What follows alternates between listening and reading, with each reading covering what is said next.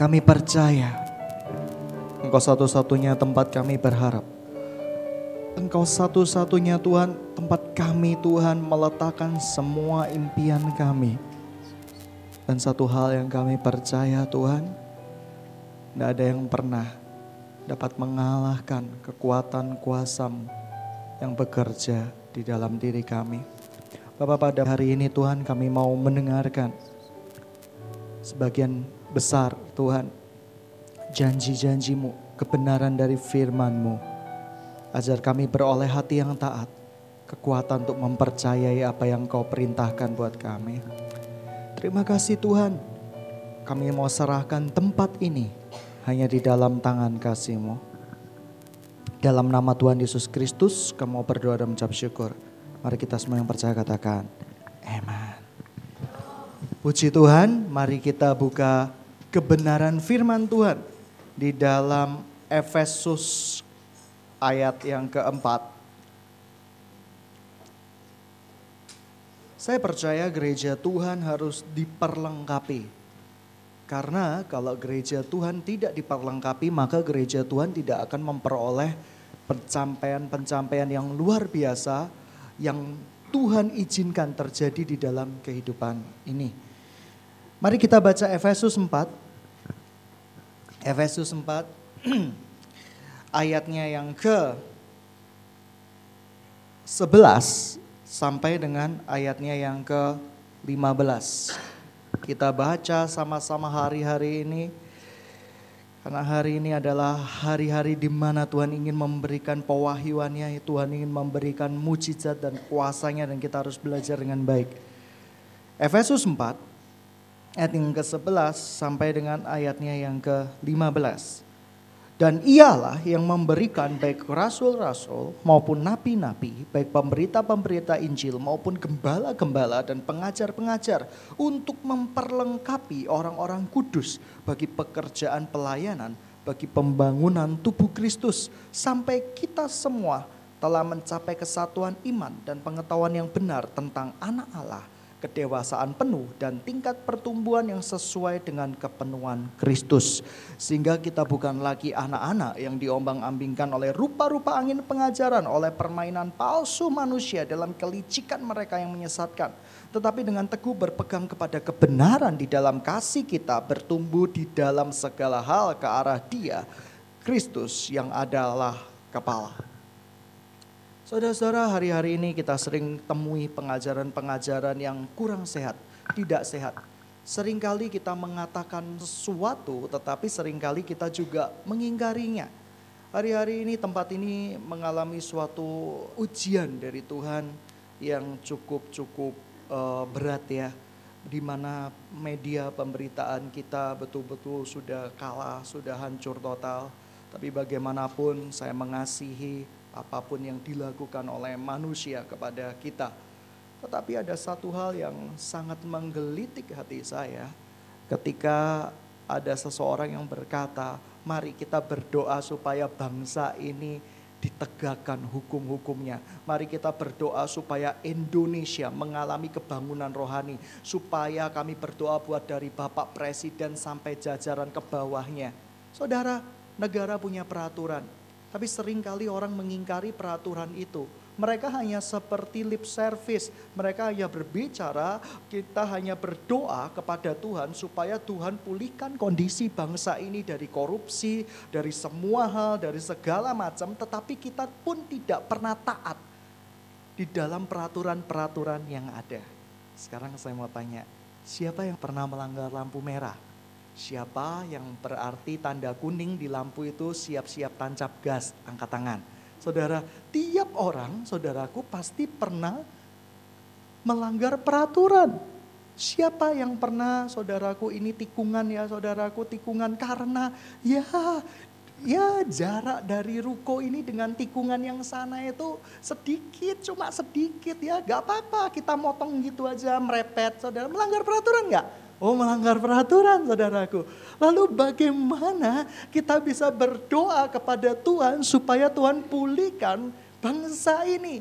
Kalau Tuhan pilihkan bangsa ini berbicara apa? Hukum pasti taati saudaraku. Siapa yang berbicara bahwa uh, kita berdoa supaya apa? Lurah-lurah saudaraku, supaya camat-camat, wali kota-wali kota mengalami yang namanya kebangunan rohani. Sedangkan kita pun sering kali menggelapkan uang pajak. Kita pajak nggak bayar saudaraku. Kemarin saya ditegur Tuhan saudara Memang ada peraturan saudaraku kalau perusahaan baru itu memang di-free-kan saudara. Tapi Tuhan berkata, mau nggak kamu jujur dan berlaku setia? Kalau kamu mau jujur dan berlaku setia, maka aku akan memulihkan kondisimu dan kondisi bangsamu.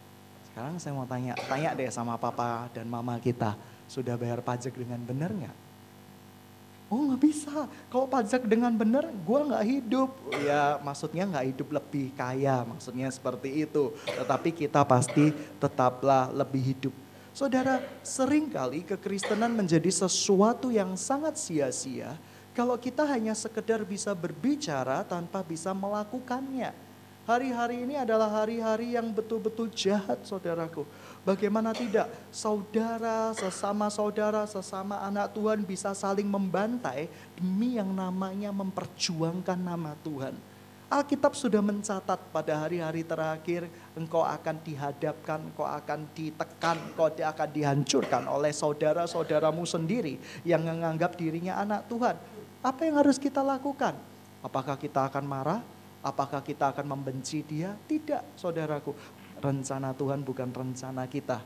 Mari kita berserah kepada dia karena pembelaan itu adalah hak dari Tuhan. Saudaraku, sedikit pun saya percaya pembelaan itu datangnya dari Tuhan. Demikian juga dengan tubuh Kristus. Siapa yang mau dewasa? Angkat tangan. Siapa yang paling senang jadi anak-anak? Enak kan? Jadi anak-anak diturutin. Kita nangis-nangis beli es krim, es krim ada, saudara. Paling gampang untuk memanipulasi orang tua kita, kita teriak-teriak di mall gitu ya seperti itu. Mungkin kita akan teriak, mama kikir, mama kikir, ibu kikir saudaraku. Saya percaya ibumu atau mama kita akan menutup mulutmu, mau minta apa sih saudaraku ya.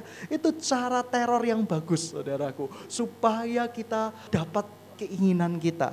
Tetapi gereja Tuhan harus bertambah lama, bertambah dewasa Siapa yang minta mobil gak kunjung dapat angkat tangan dan kamu mulai marah. Siapa yang minta sepeda motor saudaraku yang tidak kunjung dapat dan kamu menjadi kecewa.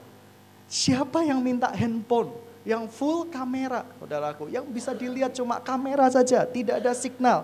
Dan kamu meminta kepada Tuhan supaya digenapi, tetapi tidak kunjung digenapi sama Tuhan.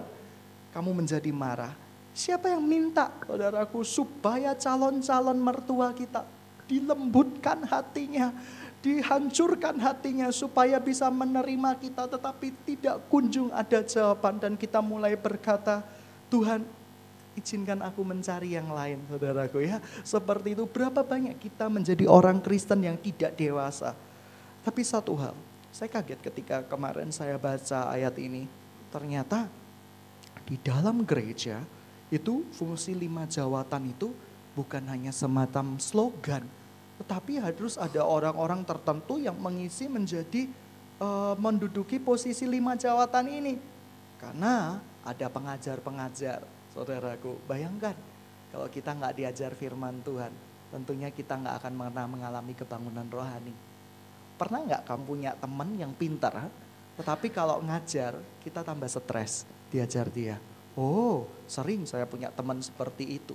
Saya punya teman yang jago matematika, matematikanya sangat bagus, tetapi ketika saya minta diajar dia, saya betul-betul tertekan saudaraku. Lebih baik kau gak usah bicara bulat saudaraku ya. E, seharusnya jalan menuju ke Roma itu naik pesawat dia bisa berputar-putar ke pulau-pulau. Dari pulau dan benua sebenarnya maksud dia bagus supaya saya mengerti asal mula rumus itu. Tetapi bagi saya yang tidak pernah tahu rumus itu merupakan kekacauan di dalam pikiran saya. Saya kepingin shortcut, saya kepingin instan saudara. Tetapi ketika saya diajar teman saya yang nggak seberapa pintar, yang matematikanya kira-kira dapat 6, dapat 7, dia bisa mengajarkan dengan cukup baik kepada saya. Sehingga nilai saya jauh lebih baik daripada dia. Mengerti? Itu karunia mengajar. Tidak semua orang punya karunia mengajar. Orang yang punya karunia pengajar adalah orang yang dapat mendeskripsikan, saudaraku, ayat-ayat demi ayat firman Tuhan supaya enak didengar, saudara. Ada orang yang punya karunia apa? Saudaraku, nabi, saudaraku. Nabi itu berbicara apa? Menegur dosa orang lain tanpa orang lain itu merasa hancur sehingga dia perlu pergi ke neraka. Tetapi dia tegur dosa orang lain dan orang lain itu menjadi bertobat. Itu fungsi daripada nabi. Fungsi daripada rasul yaitu apa? Mendirikan gereja. Karena kapasitas pemikirannya, karunia yang diberikannya adalah karunia rasul. Ketika dia mendirikan gereja, saudaraku, Ketika dia mendirikan gereja, dia dengan enjoy, saudaraku. Dia bisa dirikan gereja satu, gereja kedua, gereja ketiga. Mungkin dari segi guru-guru, dia akan melihat nabi-nabi ini kurang kerjaan, betul. Yang penting itu ngajar. Jangan diri-dirikan gereja. Let dirikan gereja, toh gua juga bisa. Wah, seperti itu. Tapi ini karunia. Masing-masing beda. Ada yang dikaruniai apa? Ada yang dikaruniai pemberita-pemberita Injil. Ini penginjil-penginjil, saudaraku. Guru yaitu menggali kebenaran firman Tuhan. Kalau penginjil-penginjil ini kadang punya karunia khusus, saudara. Ketika dia pergi, saudara, di sebuah mall atau di sebuah kafe, saudara. Dia ketemu dengan teman-teman baru dan dia ceritakan kebenaran firman Tuhan. Oh, masuk Orang bisa bertobat, itu luar biasa saudara, itu karunianya. Memang karunianya adalah pemberitaan Injil. Ada karunianya yaitu menjadi gembala-gembala. Tahu nggak gembala itu fungsinya apa? Menggembalakan.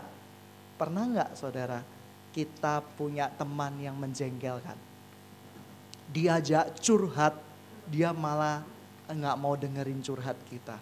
Nggak semua orang dapat mendengarkan curhat kita Betul nggak? Coba kamu curhatin dengan teman kamu yang paling bisa dengerin curhat. Oh mungkin bisa berjam-jam. Dia menjadi tong sampah yang bagus sekali saudaraku ya. Oh menjadi tong sampah yang lebar saudara. Kita masukin apa pun. Dia akan happy, tetap happy. nggak stres. Oh ya tetap semangat ya. Tapi coba dengan orang yang tidak punya karunia gembala, kita inputin, inputin, maumu apa sih gitu ya. Wah dia akan stres saudaraku. Ya mungkin kalau udah puncaknya tengah malam dia bisa ambil baju kita gitu ya. Dia tarik, dia angkat. Kamu bisa diam atau saya pukul kamu. Pernah nggak punya teman seperti itu? Saya punya, mungkin nggak saya ekstrim itulah. Ketika saya dengerin curhat-curhat, eh ya ya ya main basket yuk. Ketika saya curhat-curhat, ya ya ya nonton biskop yuk. Tapi ada orang-orang tertentu yang dicurhatin tuh bisa, saudaraku. Dan biasanya ya yang punya karunia gembala-gembala ini yaitu kalau yang dicurhatin ini lawan jenis. Wah paling seneng ini saudaraku. Saya juga paling seneng, entah kenapa cowok itu kalau sharing sama cowok itu hasilnya membosankan. Tetapi semua karunia ini harus ada di dalam gereja Tuhan. Kalau karunia-karunia ini tidak ada di dalam gereja Tuhan, seorang nabi terlalu mendenominasi gereja Tuhan, akibatnya apa? Semua jemaatnya sakit hati karena setiap kali firman Tuhan adalah firman Tuhan yang menegur, ya seperti itu. Hei kamu ular beludak, besoknya hei kamu ular kobra, hei kamu besok ular apa ya, ular yang lain-lain. Saudaraku, wah kita akan sakit saudaraku. Dan fungsi dari gembala ketika ada nabi yang bertindak seperti itu, dia meninabobokan. Enggak kok, itu cuma kata-katanya aja yang keras, badan boleh besar, tapi hatinya lembut sekali. Wah itu gembala saudaraku. Setelah gembala saudaraku ada rasul-rasul saudaraku. Ayo kita dirikan gereja-gereja. Rasul-rasul ini punya suatu kekuatan yang luar biasa untuk bergerak mendirikan gereja. Saking cepatnya banyak yang nggak bisa mengikutinya. Dan itu betul-betul, ah kalau kita tidak punya lima kelengkapan karunia ini akan sangat-sangat berbahaya bagi gereja Tuhan. Karena firman Tuhan berkata apa? Untuk memperlengkapi orang-orang kudus bagi pekerjaan pelayanan bagi pembangunan tubuh Kristus. Saya sadar gereja adalah tubuh Kristus. Kalau gereja tidak diperlengkapi dengan lima jawatan, gereja akan hancur. Kenapa demikian? Kalau kita bangun rumah, pakai tukang kayu tok. Kira-kira apa yang terjadi? Dia nggak ngerti beton, dia nggak ngerti besi, dia nggak ngerti listrik. Yang terjadi adalah kekacauan demi kekacauan. Kalau kita cuma punya saudara insinyur tok, saudaraku, dia bisa gambarin ya arsitek, dia bisa gambarin rumah dengan bagus, tetapi kita tidak punya insinyur yang mengerti beton, yang mengerti kekuatan beton. Akibatnya apa? Bangunan itu tidak akan bertahan lama. Harus ada lima fungsi jawatan di gereja Tuhan. Dan saya akan sharingkan bagaimana lima jawatan itu dapat terjadi di dalam gereja Tuhan. Sekarang saya mau tanya masing-masing, siapa yang memiliki mimpi di dalam kehidupan masing-masing? Angkat tangan. Punya harapan di masa depan. Siapa yang pasti punya harapan di masa depan? Angkat tangan. Atau sudah tidak punya harapan lagi? Menunggu kedatangan Tuhan, Maranatha Tuhan Yesus datanglah. Setiap orang pasti punya mimpi dan harapan di dalam hidup ini. Hanya saja harapan dan mimpi kita sering kali dihambat oleh kita sendiri. Saya dulu punya mimpi besar. Punya panti asuhan, punya sekolah, punya berbagai macam. Dan Tuhan ajarkan saya satu persatu untuk menggenapi mimpi itu. Karena manusia itu betul-betul ya apa sih yang dapat menghancurkan manusia? Apa sih yang dapat saudaraku menghalangi mimpi-mimpi Tuhan. Saya percaya diri manusia itu sendiri. Saya percaya itu. Itu kebenaran firman Tuhan loh. Itu kebenaran firman Tuhan loh. Sekarang saya mau tanya, pikiran Tuhan itu maha kuasa nggak? Oh, maha kuasa. Makanya Tuhan berkata, tidak ada yang mustahil bagiku. Karena dia maha kuasa. Pikirannya tidak terhingga pikirannya unlimited. Pikirannya tidak dibatasi. Tetapi pikiran manusia mulai dibatasi oleh keadaan-keadaan di sekelilingnya. Pikiran manusia mulai dibatasi oleh pikiran manusia yaitu pikiran manusia di dalam pikiran ini. Dulu ketika saya tidak punya uang, tidak punya apa-apa untuk mendirikan gereja Tuhan, pikiran saya mulai berkata, uang dari mana? Betul?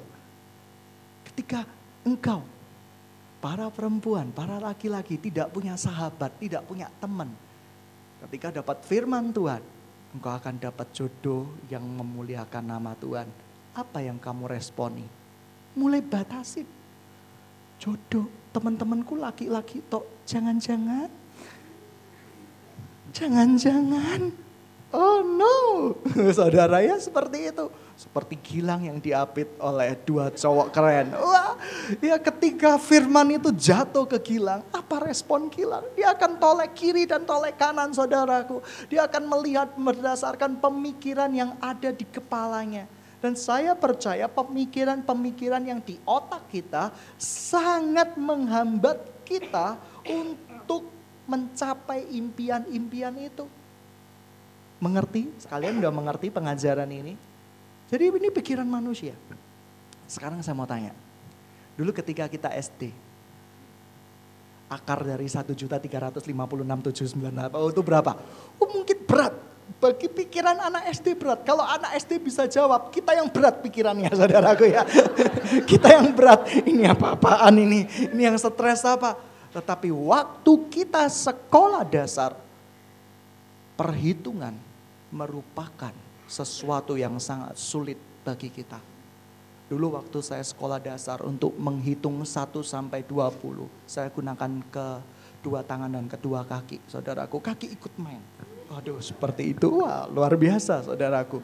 Dulu tidak diajarkan teknik-teknik tertentu saudara. Tetapi saya bingung saudara. Tetapi sekarang ketika ditanyain herannya saudaraku sudah mendarah daging. 9 kali 9 berapa? 81. Wah sudah gampang saudaraku ya.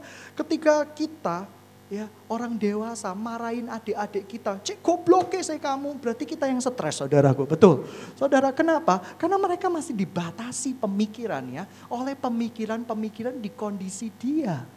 Saudara, Ketika saya belajar sesuatu, Tuhan tingkatkan pemikiran saya, Tuhan bukakan pemikiran saya. Manusia itu harus mengalami pembukaan-pembukaan pikiran. Kalau nggak gitu bahaya, dia akan menjadi orang yang tidak punya mimpi. Dulu ketika saya mengerjakan apa pun selalu gagal. Saya berkata, apa ada kutuk ya di dalam hidup saya? Sehingga apa yang diperbuatnya tidak pernah berhasil. Wow, dan saya mulai berkata, Tuhan bukakan pewahyuan firmanmu, bukakan firmanmu supaya pemikiran saya bertambah ke dalam dimensi yang lebih besar. Saya dengar firman Tuhan, saya pernah dengar nyanyian seperti ini waktu kecil. Dia tak pernah gagal sebab dia Allah. Saudaraku dia nggak pernah gagal. Yang menggagalkan pekerjaan Allah yaitu pemikiran kita dan ketakutan-ketakutan kita sendiri. Hei, Tuhan rindu. Kenapa sih di muka bumi ini ada orang yang terkaya di seluruh dunia? Kenapa ada orang yang termiskin di seluruh dunia? Kenapa ada orang yang mampu membeli segala sesuatu, ada orang yang tidak mampu membeli segala sesuatu? Karena pemikiran mereka berbeda. Ketika kita berhadapan dengan orang-orang yang pemikirannya sangat rendah, ketika dia dikasihin setumpuk sampah, apa pikirannya? Ayo, coba berpikiran seperti orang miskin. Saya akan ambil kaleng-kaleng bekas, betul? Saya akan ambil kaleng-kaleng bekas, saya bersihin pakai rinso, saya jual di tukang loaan. Lumayan lah, satu kilonya 3.500 baru ngeloa polanya. Ya kan seperti itu. Eh, tetapi ketika seseorang dengan pemikiran yang besar, dengan kapasitas yang besar, dia ada di segudang tong sampah yang besar, saudaraku, sampai besar. Dia tidak berpikir bagaimana menjual tong sampah itu atau kaleng-kaleng itu dengan harga 3.500 perak. Dia akan berpikiran seperti ini. Ini industri yang hebat ini. Oh, pemikirannya udah beda. Saudaraku, ini saya bisa betul-betul karyakan orang-orang dan dari sampah ini saya akan percaya akan menjadi sesuatu barang yang sangat-sangat laku dijual. Ini pemikiran, ini masalah pemikiran. Mengerti maksud saya? Dulu ketika orang ada yang menemukan penyakit kusta, Kenapa ada satu profesor bisa menemukan obat penyakit kusta? Karena dia berkata seperti ini, satu kata-katanya yang saya tidak tahu itu kata-kata dari profesor atau dari editor majalah itu, tetapi dia berkata seperti ini. Di muka bumi ini, kalau ada Tuhan, tidak ada yang mustahil. Pasti ada yang namanya penemuan tentang obat sakit kusta. Dan terjadilah penemuan obat sakit kusta. Demikian juga penyakit HIV. Saya percaya saudara akan ada penemuan untuk menghancurkan penyakit itu. Karena di dalam muka bumi ini manusia sesungguhnya tidak akan pernah saudaraku dijadikan Tuhan untuk tidak berdampak bagi muka bumi ini. Manusia diciptakan berdampak. Tapi kita selalu memikirkan menurut standar kita itu big problem, itu masalah besar. Kenapa ada orang yang terus-terusan menjadi pegawai negeri, pegawai swasta, untuk selamanya aku kan setia pada pabrikku maksudnya. Ya kan? Karena mungkin pemikirannya belum dibukakan ke versi yang lebih tinggi. Kalau seseorang yang pemikirannya tidak dibukakan atau tidak membukakan diri, akibatnya apa? Muncul perkara-perkara yang jahat. Tunggu warisan. Cari suami yang kaya raya seperti Bill Gates. Cari suami yang aduh yang betul-betul ya miliarder terutama di Brunei. Wah itu kan raja minyak semua. Pemikiran kita mulai ngaco, pemikiran kita mulai aneh-aneh. Saudaraku, lalu bagaimana? Sering ada ada bahan tertawaan ya ketika kami sedang mau bikin uh, apa gereja-gereja baru dan kita mau bikin KKR-KKR yang penuh dana besar. Ada seseorang yang nyeletuk gini, coba kita punya suami yang kaya ya. Itu pemikiran anak kecil itu pemikiran sempit saudaraku. Emangnya suami kaya bisa ada jawaban, saudaraku ya? Belum tentu, bisa-bisa kamu hilang, saudaraku betul-betul kamu nggak mungkin di sini lagi, bisa juga, saudara. Tetapi yang saya mau kasih tahu, kalau pemikiran kita dibukakan, aku percaya tidak ada yang mustahil. Ketika kami berkhotbah di radio, satu hari ada orang yang dibangkitkan dari orang mati. Saya bilang sama Tuhan, Tuhan kenapa kok harus lewat radio? Karena kalau kamu melihat orang mati itu, pemikiranmu nggak nyampe deh ke arah sana gitu ya. Betul, saudara. Kadang ketika kita berdoa lewat radio, kita mengamini orang mati itu akan bangkit kembali. Uh, dengan los, kita begitu percaya dengan Tuhan. Coba kita lihat kejadian faktualnya. Di rumah sakit, di kamar mayat, dibukain. Orang itu udah membeku, lidahnya melet. Uh, lebih seram lagi gitu ya matanya terbelalak menatap kita. Lebih seram lagi ini, saudaraku. Caranya gimana, saudaraku? Ilmu-ilmu kita udah habis, sudah tidak mungkin. Ya kan, manusia kalau sudah suhunya oh ini sudah suhu udah disimpan tidak mungkin ini udah nggak mungkin pemikiran kita tidak mungkin saya percaya doa kita akan menjadi doa yang paling tidak berhikmat di muka bumi ini doa kita apa sama orang mati itu Tenang ya, arwahmu tenang, diterima di sisi Tuhan. Aku percaya Tuhan, ya Tuhanku, terima dia Tuhan di tempatmu yang paling tertinggi. Oh. Tapi ketika kita menguasai dimensi pikiran itu, dimensi di mana tidak ada yang mustahil bagi orang yang percaya kepada dia. Saya percaya orang mati itu akan dibangkitkan ketika saya dibukakan oleh firman Tuhan ini, gereja Tuhan perlu diperlengkapi. Kenapa gereja Tuhan tidak diperlengkapi? Karena tidak ada fungsi lima jawatan. Kenapa tidak ada fungsi lima jawatan? Apa gunanya fungsi lima jawatan? Mengajarkan lima persepsi yang saling membangun, yang saling mempersatukan untuk mendewasakan gereja Tuhan. Saya percaya kalian yang masih di kampus, Percaya nggak kampusmu akan mengalami kebangunan rohani? Percaya. Tapi sekarang banyak yang paksa-paksa orang yang ku target. Sekarang mereka nggak boleh pelayanan di kampus lagi. Itu sih nggak percaya, saudara. Tapi yang saya mau kasih tahu, percaya adalah meletakkan semua fondasi iman kita di dalam tangan dia. Dan saya percaya 10 tahun lagi siapa yang kepingin berkarya buat bangsa ini? Siapa yang mau bikin pabrik obat? Siapa yang mau bikin yang namanya panti asuhan terbesar? Saudara, pemikiranmu mulai dibatasi lagi. Lalu kalau panti asuhan, Iya, ubinnya dari mana? Nanti gimana? Kita harus menciptakan sistem. Sistem. Tanpa sistem, semuanya akan hancur. Justru karena sistem-sistem itu lah pikiranmu terlalu ruwet. Dan kamu gak akan pernah berani melangkah. Saya suka dengan orang yang punya dagang encik-encik. Kadang dagang yang encik-encik itu pemikirannya gampang Simpel. Dia nggak dibatasi dengan keruwetan-keruwetan di dalam hidupnya. Bayar pajak, oke deh bayar pajak saudaraku.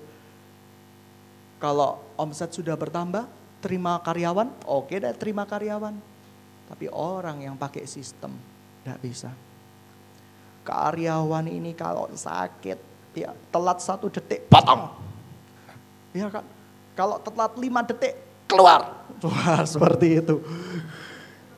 Kalau keluar tidak masuk satu hari, cari di rumahnya, tangkap dia. Wah, seperti itu. Pemikiran-pemikiran kita mulai dibatasi dengan yang namanya sistem. Saya mau kasih tahu, awal berdirinya gereja ini, pernah nggak sih kita pikir nanti ada pelayanan panti asuhan, nanti ada pelayanan apa? Waktu awal berdirinya gereja ini, saya kok rasanya kita punya iman dan tiba-tiba berdirilah. Coba kalau kita awal berdirinya gereja ini kita udah melihat, kita harus punya sistem dulu. Sistem dulu, ya di sistem dulu. Nanti listrik siapa yang bayar? Ayo ya, air harus apa yang bayar? Pengeluaran air itu harus dibatasi. Saya ini kan auditor terkenal, ya kan? Ya, nanti sepeda motor, sepeda motor yang jemaat minjem harus ada pencatat kilometer. Berapa banyak kilometer yang sudah digunakan dan berapa banyak bensin yang harus dikeluarkan. Loh betul loh saudaraku, ada perusahaan yang terapkan sistem seperti itu. Saya, saya sendiri dengarnya stres saudaraku. Supir di perusahaan itu stres saudaraku. Dia misalnya berputar ya, karena pom bensinnya penuh, terbecak macet dan dia harus berputar lagi. Akhirnya kilometernya bertambah, bosnya sudah nggak mau tahu saudaraku. Sistem harus tetap berlaku aku. Sistem yang membuat kaya dan sistem yang membuat engkau menjadi orang yang paling gagal sedunia.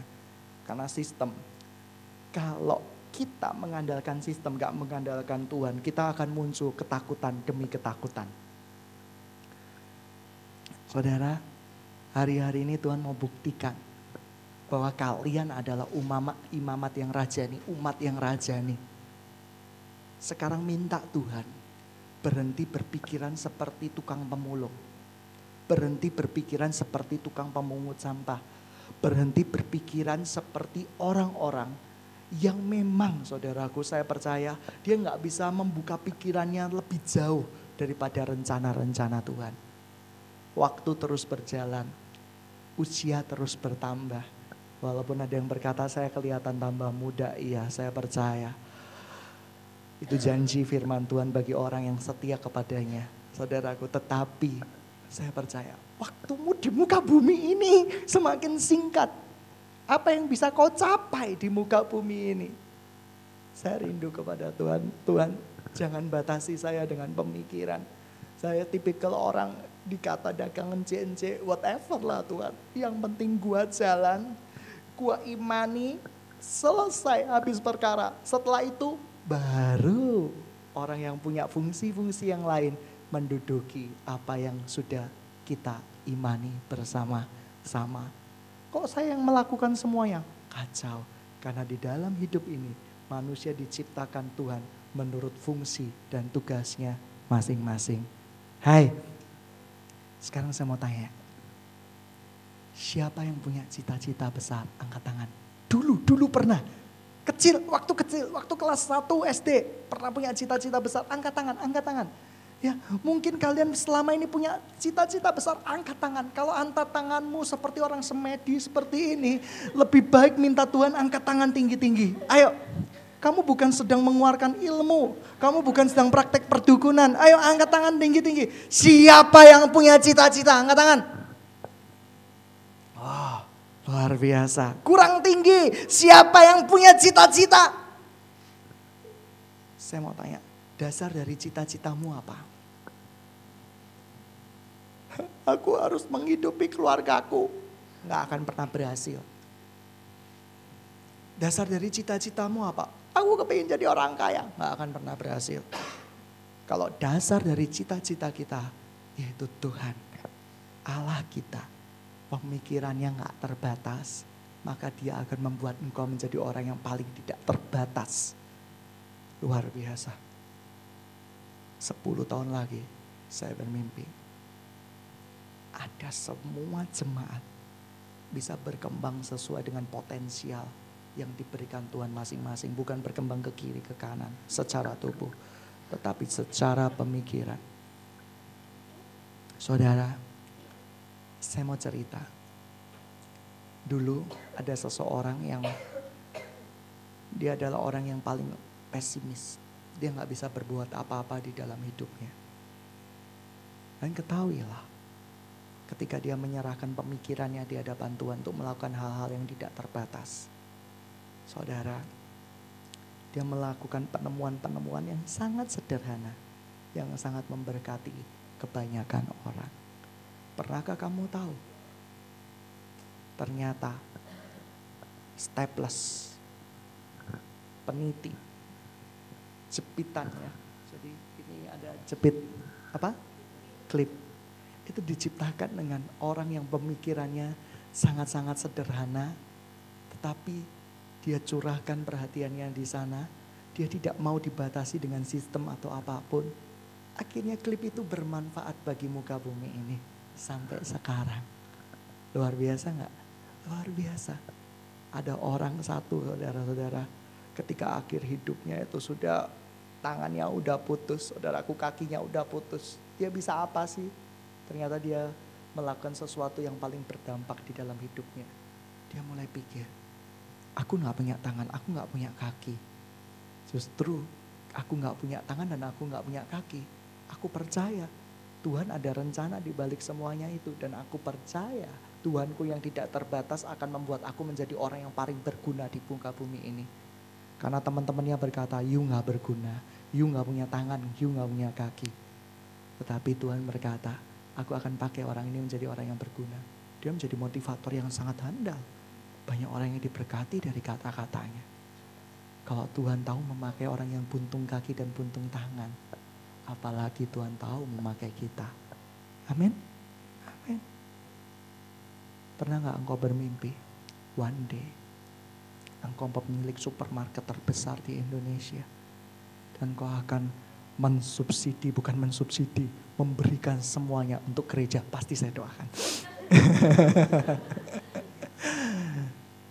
one day saya rindu seperti itu. Tetapi motivasimu harus murni, serahkan dulu sama Tuhan. Setelah itu bertindaklah. Tuhan akan copot selubung-selubung pemikiranmu. Tahu nggak selubung pemikiran kita apa? Kelas 1, kelas 2, kelas 3, kelas 6, SMP, SMA, S1, S2, S3. Makanya orang-orang yang kuliah S2, S3, dia merasa nggak terus-terusan tidak puas dengan ilmu yang dimilikinya. Dia kepingin bertambah banyak, bertambah banyak sampai akhirnya mati karena ilmu-ilmunya itu dan dia tidak pernah mempersembahkan hidupnya buat Tuhan.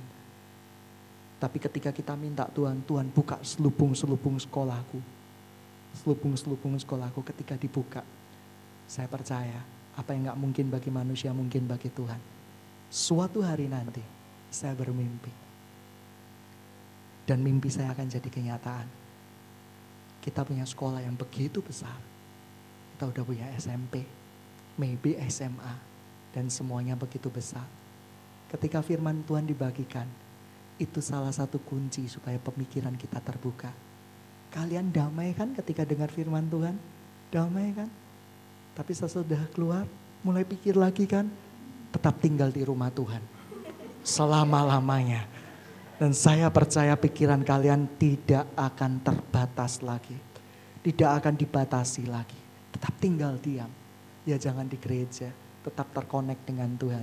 Dia akan membuat semuanya baik-baik saja. Saudara, saya akan tutup dengan sebuah kesaksian yang luar biasa. Saya cuma mau kasih tahu kepada saudara-saudara, gereja ini harus diperlengkapi dengan luar biasa. Saya berdoa ada lima fungsi jawatan, ada nabi-nabi baru yang muncul di tempat ini, ada pengajar-pengajar baru, ada guru-guru baru ada penginjil-penginjil baru yang muncul di tempat ini untuk menjadikan gereja ini kokoh. Ada sebuah kesaksian yang seperti ini. Saudara, pernah nggak dengar yang namanya seseorang yang dia kalau engkau tadi dulunya adalah olahragawan yang sangat bagus, olahragawan yang sangat terkenal, tetapi engkau harus hancur oleh sebuah kecelakaan dia hancur oleh sebuah kecelakaan. Sangat hancur. Sampai semua-semuanya tidak bisa dia pakai. Suatu saat, dia cuma berdoa kepada Tuhan. Tuhan, selama aku hidup di muka bumi ini, izinkan aku berbuat sesuatu yang bisa mempengaruhi bumi ini. Saudara, saya tidak tahu persis kejadiannya kenapa, karena saya orang yang suka baca itu tiba-tiba saudaraku, entah dia dapat dari ide dari mana, dia ciptakan sebuah puisi kalau nggak salah ya, puisi atau lagu, saya lupa, dia puisi lagu, dan dia kerjaannya dia cuma ngomong, ada orang yang lain catetin dan itu ditempelin di gang-gang kota. Dan kamu tahu, puisi-puisi itu menjadi puisi yang sangat-sangat terkenal sepanjang masa Saudara orang ketika membaca terharu bertobat dan mau terima Yesus. Saudara, Saya percaya tiap orang di akhir hidupnya pasti akan melakukan sesuatu yang berguna di hadapan Tuhan. Saudara, apa pencapaianmu? Saudara, apa yang membuat kamu diakui kamu hadir di muka bumi ini? Apa ya? Nisanku. Oh, jangan. Engkau hadir di muka bumi ini, engkau diakui keberadaanmu karena engkau menghasilkan sebuah karya dan karya itu bisa dinikmati banyak orang. Amin. Amin. Mari kita tundukkan kepala kita.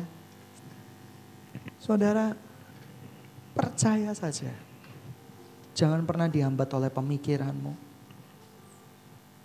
Pemikiran itu selalu memberikan penghalang-penghalang buat kita buat maju. Siapa yang di tempat ini sering kali ketika engkau dapat janji dari Tuhan, janji itu bukan untuk ditangisi, janji itu bukan untuk didoakan, janji itu untuk diterima. Saudara, berapa banyak yang punya janji Tuhan di dalam hidupnya? Engkau sering mengalami kegagalan-kegagalan dan pemikiranmu berkata kalau aku gagal, kalau aku melakukan lagi pastilah aku gagal lagi. Jujur, engkau sudah menjadi orang yang tidak berguna di muka bumi ini. Kegagalan itu bukan akhir dari segalanya. Kegagalan itu saya percaya seperti firman Tuhan juga katakan. Kegagalan bukan berarti membuat orang berhenti untuk mengenal Tuhan. Kegagalan adalah salah satu batu loncatan untuk mencapai sesuatu yang lebih baik. Saudara, saya cuma mau kasih tahu kepada kita semua, dia tidak pernah gagal loh dia mustahil gagal. Kenapa? Dia jamin, dia guarenti dengan firmannya. Dia guarenti kita. Kamu gak akan pernah gagal. Berapa banyak yang punya pemikiran-pemikiran yang mulai batasi engkau, yang mulai menunjukkan ketakutanmu, menimbulkan ketakutanmu. Angkat tanganmu, taruh satu tangan kananmu di hatimu. Saya mau berdoa buat engkau supaya Tuhan melepaskan pikiran-pikiran kita yang terbatas ini untuk menjadi sesuatu yang tidak terbatas lagi. Mari kita tertawakan, mari kita ejek keterbatasan-keterbatasan kita. Sambil kita berkata, Hai, aku punya Tuhan yang tidak terbatas. Gak ada yang gak mungkin. Saudara, kalau kamu nggak punya mimpi, kamu nggak punya pengharapan di muka bumi ini, engkau akan lelah menghadapi kehidupan ini. Engkau akan capek menghadapi kehidupan ini. Kalau engkau menjalani kehidupan ini seperti engkau menghitung hari, seperti engkau, ah, aku akan tunggu sampai kedatangan Tuhan. Aku akan, ya, tunggu kematian menjemputku. Engkau akan menjadi orang yang tidak berdampak di muka bumi ini. Dan kalau ada orang-orang yang seperti itu bertobat hari ini. Tuhan ciptakan engkau. Untuk bukan berarti untuk do nothing. Untuk tidak mengerjakan sesuatu tapi do something. Untuk mengerjakan sesuatu yang luar biasa. Minta Tuhan copot keterbatasan-keterbatasanmu. Engkau manusia berguna Tuhan akan bukakan sesuatu, Tuhan akan singkapkan hari ini. Supaya engkau betul-betul memperoleh pencapaian-pencapaian yang belum pernah kau lakukan sebelumnya. Ini harus saya ceritakan. Karena orang tanpa pengharapan adalah orang yang hambar. Hari-hari ini kalau engkau merasa hidupmu hambar, hidupmu belum mencapai Tuhan, tidak mengenal Tuhan. Saya cuma punya dua kata, berarti engkau tidak punya pengharapan. Dan engkau tidak punya kepercayaan kepada dia. Orang yang percaya kepada dia nggak mungkin hambar hidupnya. Orang yang berharap kepada dia nggak mungkin hidupnya suam-suam kuku. Dia akan terbakar oleh sesuatu yang datangnya dari sorga. Hei, miliki pengharapan Miliki impian itu kembali. dan taruh impian itu di tangan Tuhan. Sebab firman Tuhan berkata, dan pengharapan di dalam dia tidak pernah mengecewakan. Taruh pikiran-pikiranmu, serahkan, bereskan sama Tuhan. Mungkin orang tua bisa berkata, engkau nggak pernah bisa jadi apa-apa. Dia sudah memberikan tembok di pemikiranmu. Mungkin temanmu berkata, gak mungkin dengan IP-mu yang sekian kecilnya ini. Engkau gak mungkin bisa sukses. Mulai berhenti. Memikirkan omong kosong-omong kosong iblis seperti itu. Sebab bukankah janji firman Tuhan tertulis, aku akan memakai orang-orang yang bodoh yang paling tidak berhikmat di muka bumi ini untuk mematahkan hikmat orang-orang benar. Mungkin iblis mulai omong kosong kepada engkau berkata, lu kamu cuma lulusan SMP, kamu cuma lulusan SMA, bagaimana engkau bisa kaya, bagaimana engkau bisa melakukan perkara-perkara yang besar bagi Tuhan. Mulai tutup mulut iblis, serahkan kepada Tuhan. Dia nggak pernah gagal. Dia tidak pernah gagal. Sampai hari ini saya tetap berdiri di tempat ini. Karena saya percaya apa yang difirmankannya buat tempat ini. Mungkin iblis menyebarkan racun omong kosong besar. Ada beberapa yang hatinya hambar terhadap visi dari Tuhan. Saya cuma mau bilang, iblis kok boleh omong kosong terus. Tapi hari-hari ini, ketika pikiran umat Tuhan dibukakan, hari di mana Tuhan akan balas. Hari di mana yang saya katakan, hari di mana Tuhan akan balas, hari pembalasan. Itu sudah tiba. Mari kita permalukan iblis. Kemustahilan tidak akan pernah ada. Percaya saja ada Yesus di pihak kita. Ada Yesus di belakangmu. Dia akan bela kita. Dia akan bela kita. Asalkan kita berdiri di atas janji firman Tuhan. God, kami berdoa Tuhan. Hari esok kami gak akan pernah sama dengan hari yang ini. ada pengharapan besar menanti. Ada janji Tuhan yang besar menanti. Terima kasih Tuhan. Bapak hambamu berdoa buat sidang jemaat yang kau kasih ini. Dari tangan mereka Tuhan. Bukankah engkau berkata mereka pemegang-pemegang kunci perjanjian raja. Dari tangan mereka Tuhan akan banyak pintu-pintu yang akan dibukakan dan pintu yang mereka bukakan tidak akan pernah tertutup kembali. Sebab engkau ada berserta mereka. Terima kasih Tuhan, terima kasih Tuhan. Kami berdoa, kami mau serahkan hidup kami di dalam tangan kasih-Mu. Mari kita yang percaya sama-sama katakan. Dalam nama Yesus, amin.